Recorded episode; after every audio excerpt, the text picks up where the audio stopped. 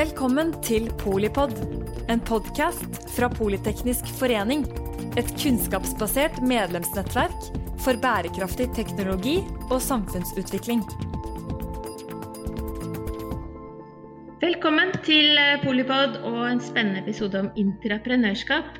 Og hvordan eh, drives utviklingen av eh, lavkarbonmarkeder. Vi har tre dyktige erfarne mennesker med oss som både jobber med innovasjon innenfra og med mm, både markeder og tjenester i lavkarbonøkonomien. Det er Hans Erik Vatne, som er teknologidirektør i Hydro.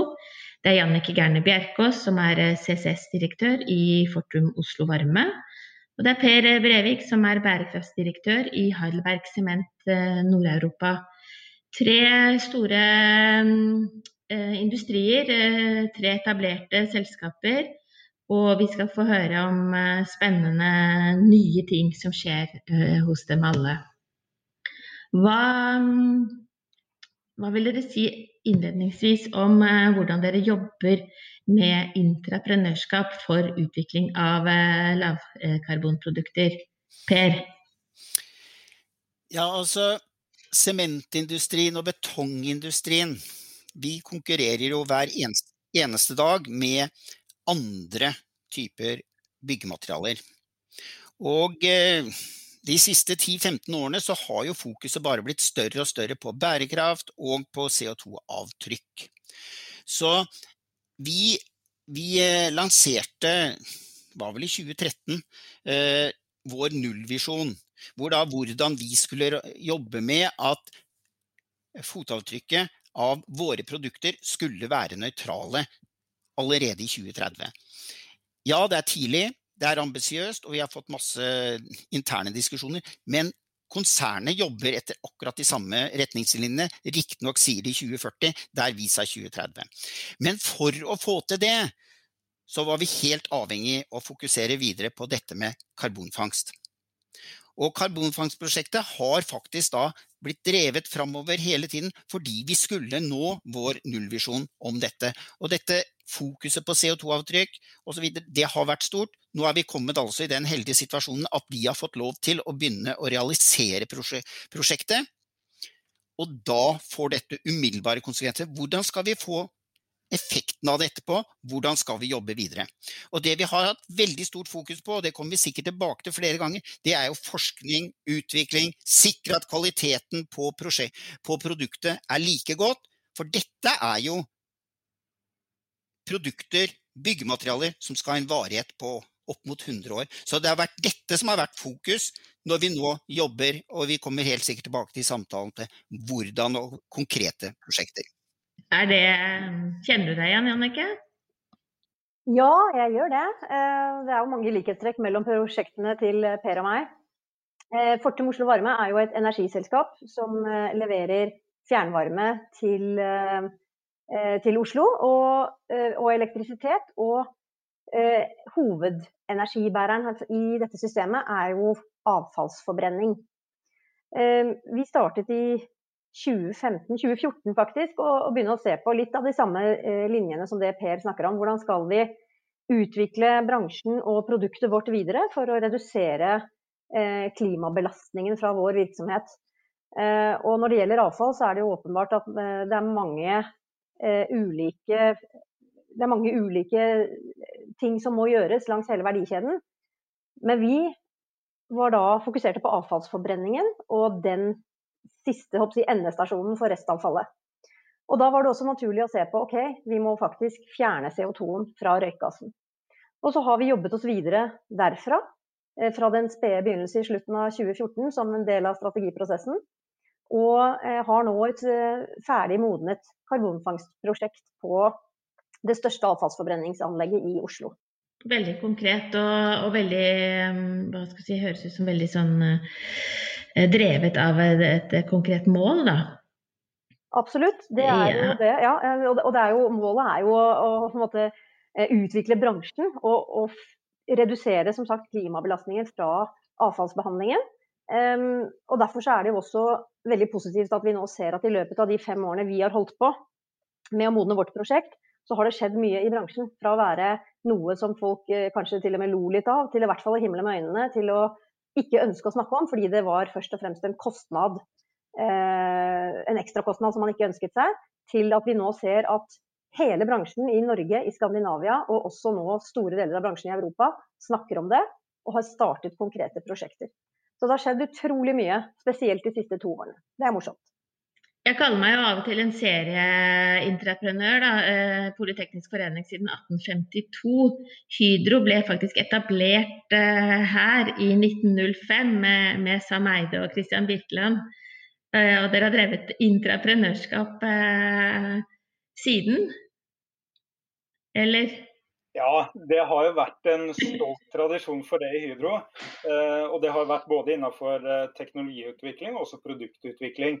Og når vi snakker produktutvikling, så er jo altså min viktigste læring der er vel at uh, det alltid må starte med etterspørselssida.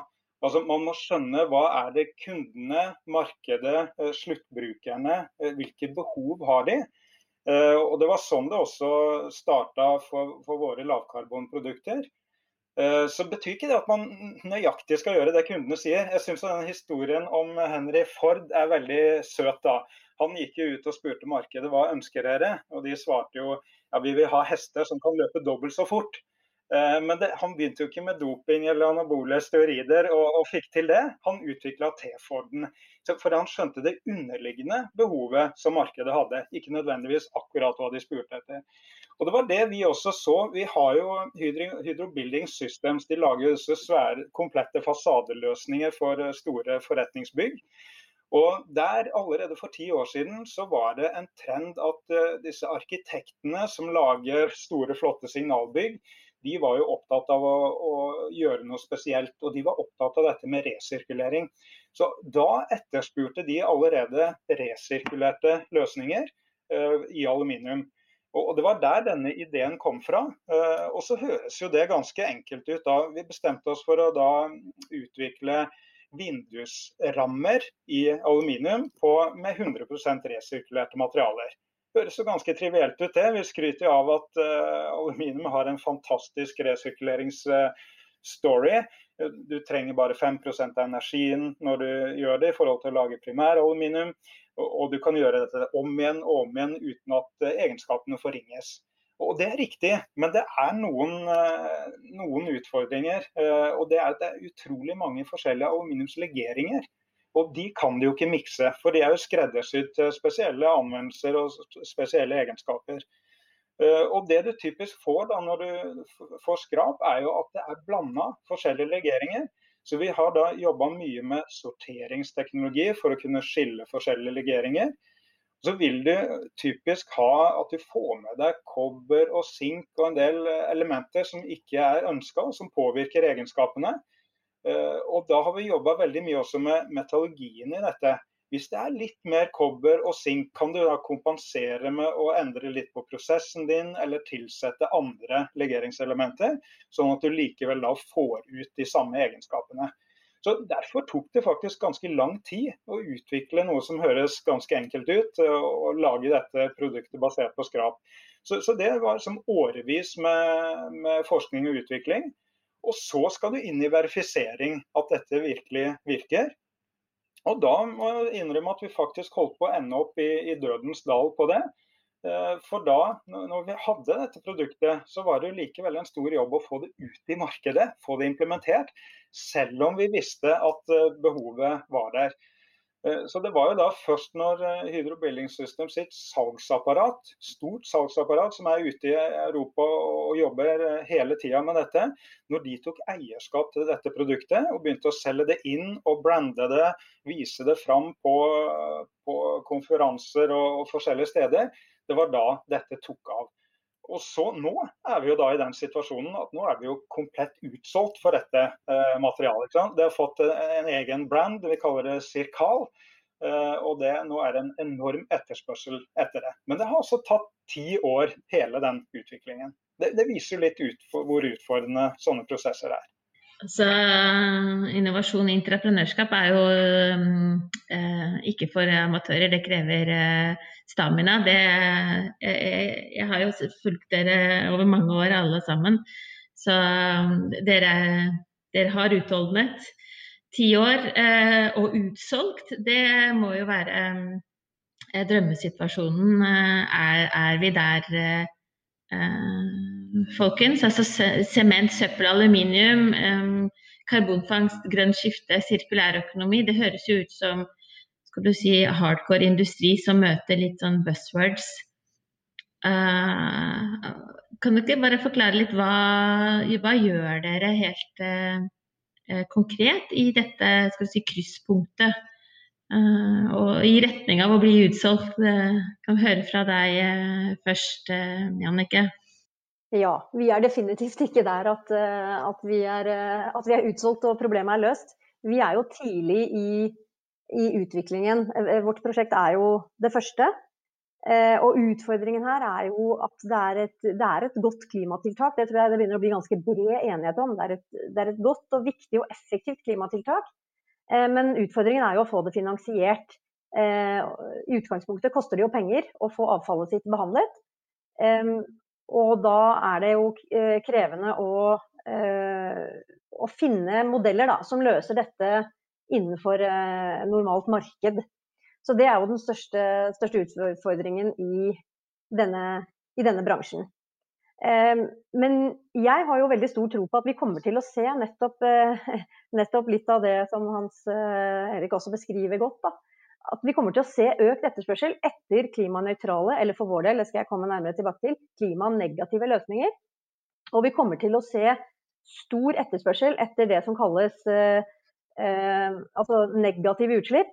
Og det å kunne selge disse biokvotene. Jeg skal også forklare det litt, litt mer etter hvert. Men det er en forse som vår bransje har. Det markedet kommer til å øke fordi vi er avhengig av å ta CO2 ut av atmosfæren for å Eh, for å demme opp for alle de utslippene vi ikke klarer å gjøre noe med på, på kort sikt. Så dette markedet kommer til å etablere seg, og jeg er sikker på at det kommer til å løse store deler av problemene. Samtidig som vi selvfølgelig må se en teknologiutvikling og eh, kostnadsreduksjoner på selve, selve anleggene og teknologien og, og, infrastrukturen. Per, er du utsolgt? Når er du utsolgt? Må jeg bestille grønn betong nå? Ja, du bør nok sette deg på lista, ja. Altså, hadde vi vært klare nå, så hadde vi vært utsolgt. For lengst. Altså det er veldig stor, og det er, det er, jo spennende med dette. Fordi at eh, alle eh, våre kunder og, og entreprenører og prosjekter de etterspør lavkarbonbetong i dag, allerede i dag, fordi det har konkurransen med andre typer byggemat andre byggematerialer. Eh, og sementindustrien har gjort masse. og det er ikke i Norge er det, vi har veldig mye, Vår konkurranse, hovedkonkurrent i Norge, Schwenk, eh, tyskbasert, de gjør en kjempejobb og de leverer veldig gode sementer. Noen av dem er faktisk litt bedre på karbonavtrykk enn det vi har per i dag. Men gjennomfører vi prosjektet vårt, og det, det satser vi alt på nå, da, eh, så vil vi i 2024 ha lagt en helt ny standard på karbonavtrykk på en sementfabrikk.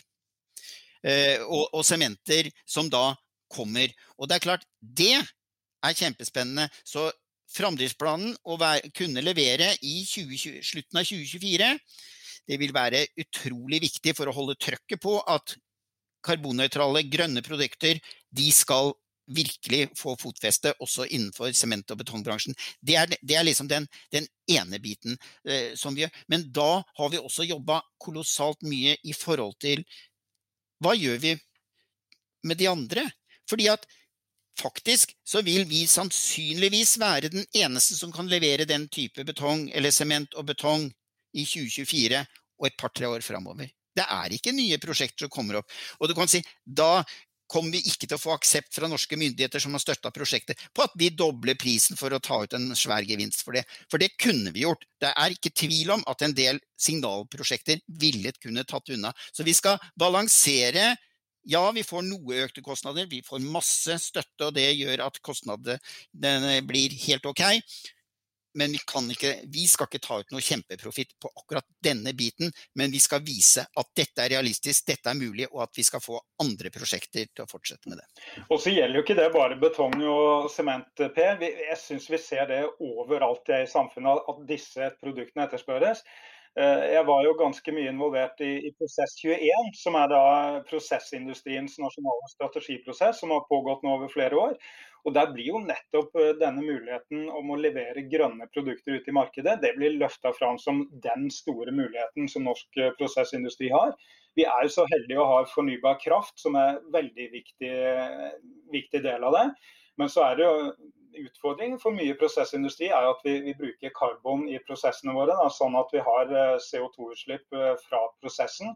Og, og, Det er den store utfordringen eh, vi står overfor, som, som både er krevende og, og altså både kommersielt og teknologisk.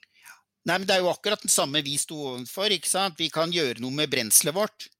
Men selve mm. den kjemiske prosessen, oppvarming av kalkstein, spaltingen, det er ikke noen annen måte å gjøre det på hvis du skal produsere industrielle kvanta. Altså, du kan fyre på luft og kjærlighet, men du får eh, klimagassutslipp eh, likevel? Ja, i hvert, hvert, fall fra sementproduksjon. og du kan fyre på avfall, og, eh, og du, du, får CO2-utslipp, da. Men eh, når det gjelder avfallsverdikjeden, så er det klart der kan man gjøre mye. Eh, og må gjøre mye i hele verdikjeden. Eh, vi kjenner jo alle til avfallspyramiden og, og rekkefølgen i de trinnene. Og da er det jo sånn at avfallsforbrenningen er som jeg sa, det er endestasjonen. Det er siste reis og siste løsning for det avfallet vi ikke kan gjenvinne, eller som vi ønsker å ta ut av kretsløpet og ut av sirkulærøkonomien. Eh, og da er det ingen andre måter å unngå det siste CO2-utslippet på enn CO2-fangst. Så Derfor så er denne løsningen veldig viktig for vår bransje. Ja. Men jeg tror generelt for oss tre er vel det at Får vi til prosjektet, får vi til vårt prosjekt, får dere til det, Jannika, oppe hos dere, og Hydro jobber på den måten som dere gjør, så bidrar vi jo til, kall det gjerne game changing, altså. Der det blir en stor endring. Og, hvor, og mm. vi opplever i hvert fall at ja vel, vi var kanskje litt gærne da vi satt nede i Brevik i begynnelsen og skulle gjøre dette, men nå trekker vi på et stort system. Vi, vi kan bruke FoU fra, fra, eh, forskningsinstitusjoner, fra universiteter, men det er jo den interne kompetansen. Og det å være i et verdensomspennende konsern vi nå virkelig eh, trekker godt på og nyter godt av. Altså vi har I Heidelberg i dag så er det åtte prosjekter, CCS-prosjekter worldwide. Ett i Canada som er kommet ganske langt, men det er ingen som har kommet i nærheten de ligger i hvert fall to år etter oss, de, fleste, de, de beste av de andre. Men det er sju prosjekter i Europa.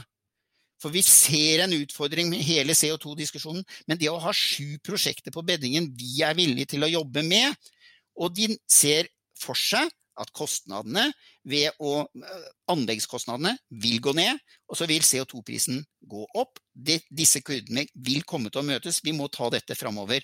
Og jeg er helt sikker på, men jeg kan, jeg kan, ikke si når, men jeg er helt sikker på at et, etter hvert så kommer fangstløsninger til å bli nesten hyllevare innenfor sementindustrien. Du er helt nødt til å gå den veien. Så det ser jeg som en sånn Noe av det aller viktigste for vår del, det er å bidra til at dette blir en realitet. Mm. Jo, men Du trenger jo noen som er så visjonære og tar disse første stegene. Uh, og Det er en viktig del av det. Så, så har jeg også lyst til å framsnakke det norske virkemiddelapparatet. Så Vi har muligheter både for FoU-prosjekter, dette med pilotering, som ikke minst er ekstremt viktig. Det er nesten den viktigste delen av en sånn utvikling. Vi, vi trenger støtte til å ta ned noe av den risikoen i en pilot- og uttestingsfase. Og det også er relativt bra, men vi ønsker jo selvsagt enda bedre. Men det at noen tør å være visjonære og de første ute, det er jo ekstremt viktig. Mm. Jeg er veldig enig i det du sier der, Hans Erik. Ehm, vi har jo hatt den samme utviklingen fra å starte med et lite internt eh, prosjekt eller intern diskusjon, til, eh, hvor, til, til å løfte det til et full, fullmodent prosjekt. Og der har vi jo vært helt avhengig av som du sier, virkemiddelapparatet til å modne fram prosjektet. Vi har bygget, vi har drevet en pilot og testet teknologien grundig. Eh, dette hadde vi jo ikke hatt mulighet til eh, hvis ikke vi hadde hatt den, eh, den støtten. Og vi har også hatt samme utvikling på mange måter som, som Per beskriver. Fra et lite, nærmest litt idealistisk prosjekt til å løfte dette inn i et stort internasjonalt konsern med tung prosjektkompetanse, tung industriell kompetanse, til at vi nå ser at det sprer seg over hele Europa. Alle de tre skandinaviske hovedstedene har store eh, CCS-prosjekter nå på avfallsforbrenning eller bioenergi. Og, det, kommer, det, sprer seg videre nå nedover i, eh, i Europa. Så det er morsomt da, at det fra en sånn liten og litt eh, vill idé, som folk som sagt enten eh, himler litt, øynene, eh, himler litt med øynene over, eller irriterer seg over, fordi at man mener at man ikke skal på en måte, pushe utviklingen i en retning som, som, øker kostnadene for bransjen, til å nå være noe som alle er enige om at ja, men dette må vi gjøre. Det, det er helt klart. Nei, men, så det er gøy. Ja, helt, helt enig med begge to. Jeg, du, Jannik og jeg var også med i en, en, en av ekspertgruppene i Prosess21, eh, Hans Erik, men ikke så sentralt som, som det dere var. Men, men altså, jeg tror at noe av det viktigste vi gjør, er å vise at dette er mulig. Og da, da, da, skal, du, da skal, vi gå de løpene. Men virkemiddelapparatet er kjempeviktig, akkurat som dere sier. Og vi har fulgt denne stigen oppover. Vi har prosjekt, steg for steg oppover. Men det er klart, og det var jo noe av det dere diskuterte i Prosess21 også hvordan få finansiert det når du nærmer deg slutten, når det virkelig begynner å renne på med penger. Det er da du må ha med deg noen som ser inn i en krystallkule og ser vet du hva, dette kan faktisk bli mulig. Og bare fra, altså, bare fra da vi begynte prosjektet og, og, og, og konkurransen med, med Jannik og, inn i Northern Lights-biten, så har jo CO2-prisen økt. Fall, la oss si at den har dobla seg, da det er fortsatt ikke der at dette er en easy match å få dette til å passe økonomisk.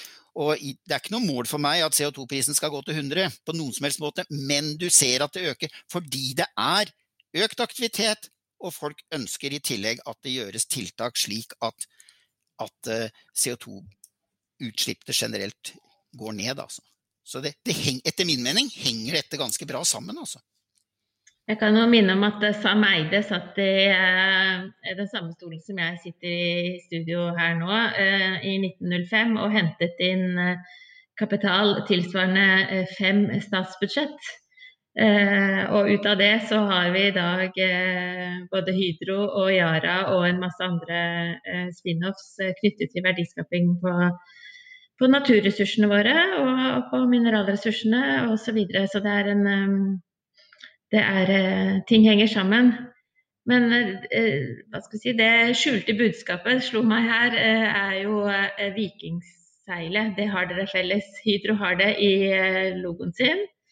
Langskipprosjektet har det på en måte i signaturen sin. Det er et, et vikingskip.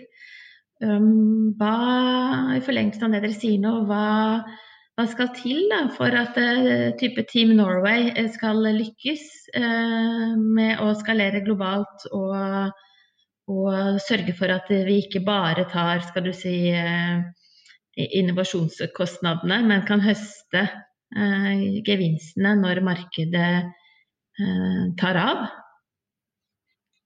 Hva tenker du Hans Erik? Ja, Det er jo et veldig viktig spørsmål. Eh, vi har et godt virkemiddelapparat, men det er jo om å gjøre få verdiskapning eh, ut av det. Så For vår del så altså Vi opererer jo helt globalt. Eh, vi har jo ikke noe, noen hjemmemarked. Vi, vi, selger jo alle produkter ute. Så faktisk mye av produktutviklingen vi gjør, den gjør vi jo også i utlandet. Men på noen områder eh, så bruker vi også Norge da, som et laboratorium. Eh, og Det er jo litt fordi vi har kompetanse her, det er litt fordi vi har et godt eh, virkemiddelapparat. Og så er det jo da noen områder hvor vi er faktisk ledende. Og, og ett område hvor vi har eh, sånn, eh, høste av det, er jo hva vi har gjort på elektriske biler. Så der ligger jo Norge helt i front. Eh, og Der ser vi en mulighet eh, til å se på resirkulering av, eh, av bilbatterier. Så, så, der har vi faktisk da med støtte igjen av virkemiddelapparatet bygd, er i ferd med å bygge en pilot for resirkulering av brukte bilbatterier. Så, så, og Det er fordi at de, vi, Norge er så langt framme, så disse kommer tilbake fra markedet tidligere i Norge enn de gjør andre steder. Så da har vi muligheten til å pilotere den løsningen i Norge, utvikle teknologien. For det er ikke rett fram å, å resirkulere disse batteriene. Og så, eh, basert på den erfaringen, så kan vi ta med det forretningskonseptet da ut i Europa. Så Det er et veldig godt eksempel på hvordan vi kan bruke hjemmemarkedet. Men det er klart, da er jo, har jo vi den store fordelen. Vi er et stort system. Vi har jo fabrikker rundt om i hele Europa, så det er ganske lett for oss å etablere batteriresirkulering på uh, fabrikkområdet hvor vi allerede driver aluminiumresirkulering. Så Sånn sett er det en stor fordel av å være et stort etablert selskap. da. Men, eh, men igjen, altså det, det, prinsippet, teste ut, pilotere i Norge og så ta det med deg ut i Europa, det er jo veldig spennende. Tenker Heidelberg sånn, eller Per? Du, det er ikke så langt, eh, så langt unna, for å si det sånn. Altså, eh, vi fikk spørsmål av statsministeren stadig vekk i, i fjor høst osv., før dette kom opp også. Blir Brevik det første og det siste? Eh, det var veldig kjekt den dagen vi fikk lov fra Heidelberg å si nei. Brevik blir det første i en rekke. Og som jeg nevnte, nå har vi sju-åtte prosjekter gående. Det er eh, veldig spennende. Det er ulike teknologier osv. Altså det at man vil gjøre det. Men det har først og fremst en viktig effekt for oss. Og, og da er det å vise til Norge Altså Det at det er vist til Norge, det har tyskerne tatt inn over seg. Det er meddelt og kommunisert masse at Brevik-prosjektet Det var jo stas at John Kerry i USA fant ut at det, det var en sementfabrikk i, i, i, i, Norge som sånn sett eh, gjorde noe som de kanskje bør gjøre. Det er, plutselig har det blitt en veldig mye etterspørsel fra eh, interessenter i USA og Canada på dette, så, så det, det, det, følger med. Så det er som Hans Erik sier her, altså at eh, vi, vi gjør noe her, og så, og så, ser man det ute. Dette må man prøve å gjøre noe med. Og da er det viktig at ikke dette blir noe spesielt for Norge fordi vi har så innmari mye penger, eller hva, hva, vi har. Dette er noe som vi må vise at bransjen er interessert i, og så må annen industri komme etter. Og jeg syns det er veldig spennende med de eh, prosjektene i Norge eh, som eh, har vært nevnt, det var nevnt også i Prosess 21, altså som kan komme. Får vi disse til, så har vi vært med på å, å, å, berede grunnen for at karbonfangst kommer i flere bransjer enn sement. og Derfor syns jeg det er så viktig at Jannik og co. kommer i mål og vi får vist enda et stort prosjekt i Norge. Og så blir jeg veldig trigga når du sier at dere har mange prosjekter, også forskjellige teknologier. For Vi også ser jo på, på karbonfangst. Eh, Men vi har en kjempeutfordring. Det er bare en halv prosent CO2 i avgassene våre. Og så er det også andre forurensende gasser. Så vi kan ikke bruke standard aminteknologi. Så, som alt som gjøres av andre som kan ha overføringsverdi til oss, er jo vi kjempeinteressert i. Så det er spennende å høre at dere ikke bare har gått for én teknologi, men ser på, på flere alternativer. Det er kanskje lettere også å overføre til andre bransjer, sånn som til aluminium eller, eller andre. Det, vi, vi, ser det samme eh, som for sement og, og, for så vidt aluminium. Eh, og det er at eh, det er, det er en stor og økende, økende interesse. Og, og, det er som Hans Erik sier, det at vi er i gang nå, eh, og nå, det, nå ser vi faktisk at Langskip, det norske CCS-prosjektet, blir realisert. Eh, det gjør jo også at eh, interessen og tro, troen øker på at dette er en teknologi som, som, kommer til å komme. Vi er jo ikke ferdig finansiert ennå, og nå skal jeg snakke litt om karbonnegativitet eller klimapositivitet. For det blir en, en viktig faktor for min bransje, for vår bransje, når det gjelder å løfte disse prosjektene. Det er sånn at når vi eh, brenner avfall, så er ca. 50% av den CO2-en som slippes ut, den stammer fra eh, forbrenning av biomasse, altså av avfall som ikke er fossilt i utgangspunktet. Eh, og det er jo en del av det naturlige CO2-kretsløpet. Når vi fanger den CO2-en, så tar vi i praksis CO2 ut av atmosfæren. Og det er i større og større grad etablert som en, som en, realitet at vi kommer til å trenge å fange store mengder biologisk CO2, altså naturlig CO2, eh, for å klare å demme opp for den tidsforsinkelsen vi ser da, på eh, innfasing av fornybar energi og utfasing av fossil energi. Og jo lengre tid det tar før vi klarer å kutte utslippene, jo større mengder biologisk CO2 må vi ta ut av atmosfæren for å nå klimamålene. Og Her kan avfallsforbrenning eh, virkelig bidra. Og den eh, interessen ser vi at eksploderer nå. Eh, i EU, i Norge, i Sverige, i eh, internasjonale organer. Nå er det mange, mange grupper som sitter og ser på hvordan skal man få på plass en sertifiseringsordning. Hvordan skal man etablere et marked for disse kvotene. Eh, og hvordan skal man gjøre dette på en mest mulig effektiv måte. Sånn at det også kan bidra til å finansiere disse prosjektene som kommer. Så det er et spennende utviklingsarbeid som, som vil få stor betydning for å få finansiert opp og få akselerert utviklingen av disse prosjektene. Men Ser dere da Jannike, også på å trekke CO2 direkte ut fra lufta, altså direct air capture, eller, eller er det utafor hva dere er opptatt av? Eh, det er nok litt utenfor det vi er opptatt av. Hvis du tenker på ja, eh, direct air capture, så er nok vi mer opptatt av å fokusere på å fange denne biologiske CO2-en som slippes ut. Det er jo forskjellige måter å ta CO2 ut av atmosfæren på. Du snakker om direct air capture, eh, og så snakker jeg om å fange biologisk CO2. Og så har man jo den jeg, enda mer naturlige måten med planting av skog og binding i jord osv. Så, videre. så alle disse tre blir jo viktige. Men vi, vi, i vår bransje fokuserer nok nå hovedsakelig på fangst av biologisk CO2. Og avfall har, Det er jo ikke bare Oslo som har avfall, eh, Jannicke. Så er det noen konkrete skaleringsplaner i, i Norge eller Europa for, uh, for, det dere gjør, eller uh, rundt deg? Absolutt. Vi ser jo nå at alle de store anleggene i Norge er i gang med karbonfangst og enten lagrings- eller bruksstudier. Eh, de store skandinaviske byene, alle hovedsteder pluss en del av de andre store byene, har prosjekter og har kommet langt i utviklingen. Eh, og vi ser også nå videre i Europa at dette sprer seg. Så dette vil jeg nå påstå er etablert som en eh, løsning som kommer i bransjen. Og det kommer jo etter hvert til å etablere seg som best available technology. Og det vil også, tror jeg, drive fram reguleringene og kravene til disse anleggene i fremtiden. Så det er, eh, det, det er spennende å se. Og Som en kommentar også til det Hans Erik spør om, da, og som du sier, så tenker jeg at det som er felles for disse prosjektene, det er jo fangstteknologien. Altså det å få tak i CO2-en. Eh, så det at vi utvikler den teknologien videre og får ned kostnadene, får opp effektiviteten, får ned energiforbruket, det vil vi alle ha nytte av. Og i, vår, i vårt uh, konsern, Fortum, så har jo Stockholm Exergi, som eh, har et tilsvarende prosjekt i Stockholm, de har satset på en annen fangstteknologi. Den ser vi nå på i et studium hos oss, for å se hvordan den kan passe for energigjenvinningsanlegg eller forbrenningsanlegg. Eh, som igjen anleggene i Norge vil ha nytte av, hvis det viser seg at denne teknologien kan være verdt å satse på i fremtiden. Så på denne måten så bygger vi på hverandres kunnskap. Og det er jo det som blir viktig for å få utviklingen eh, til å gå raskere. Ja, og Da må vi utveksle den kunnskapen, og så må vi som få skala på dette, så kostnadene kommer ned, så, som dere begge har vært inne på. Ja, Det var jo en uh, grei konklusjon på, på, på, jobben som skal gjøres eh, fremover.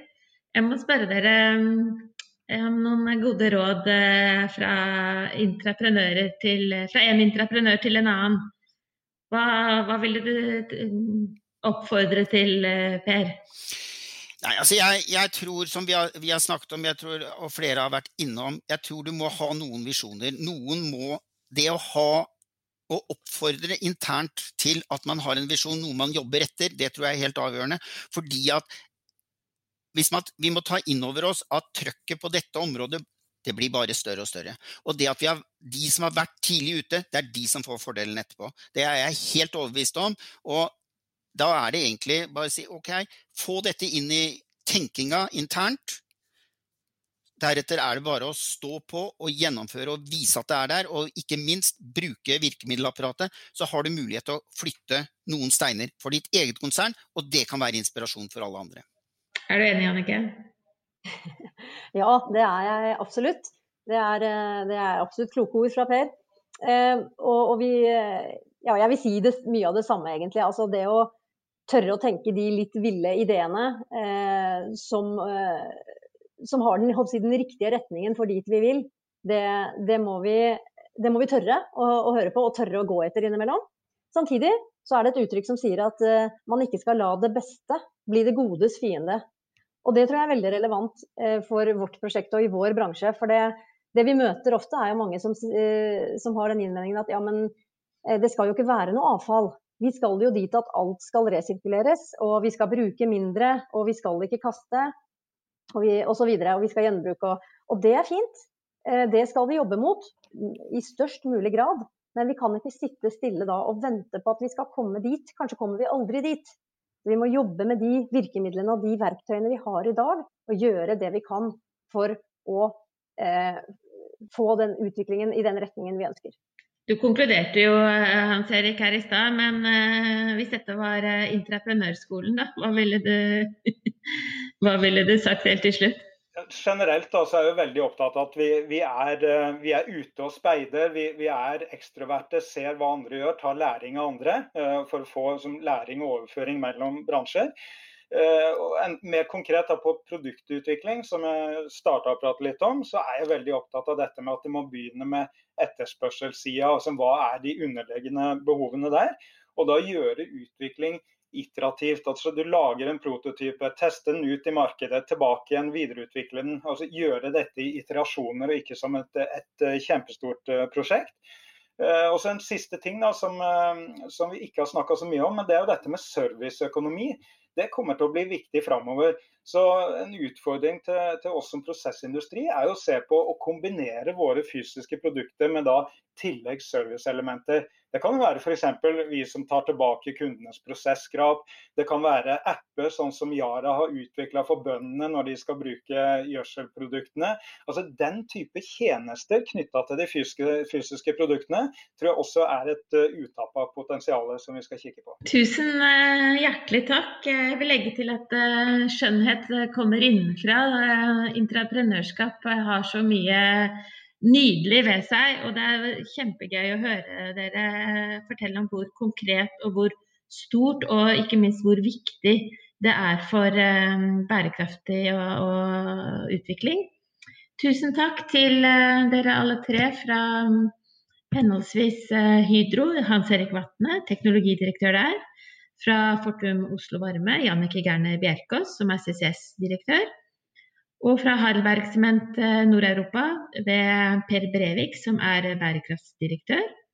Jeg er Mette Vågnes Eriksen. Jeg er eh, generalsekretær her i Politeknisk forening. Og jeg vil si tusen takk til eh, deg som lytter, eh, når det passer deg og hvor det passer deg. Og husk på at denne skjønnheten kommer innenfra, og, og kanskje kan du tipse din kollega om uh, litt inspirasjon fra dagens intraprenørskole, og, og finne på noe smart uh, i det, det du driver med. Tusen takk. Takk for at du lyttet til Polipod fra Politeknisk forening. Få med deg flere episoder, eller bli med på nettverksmøtene som du finner på at polyteknisk.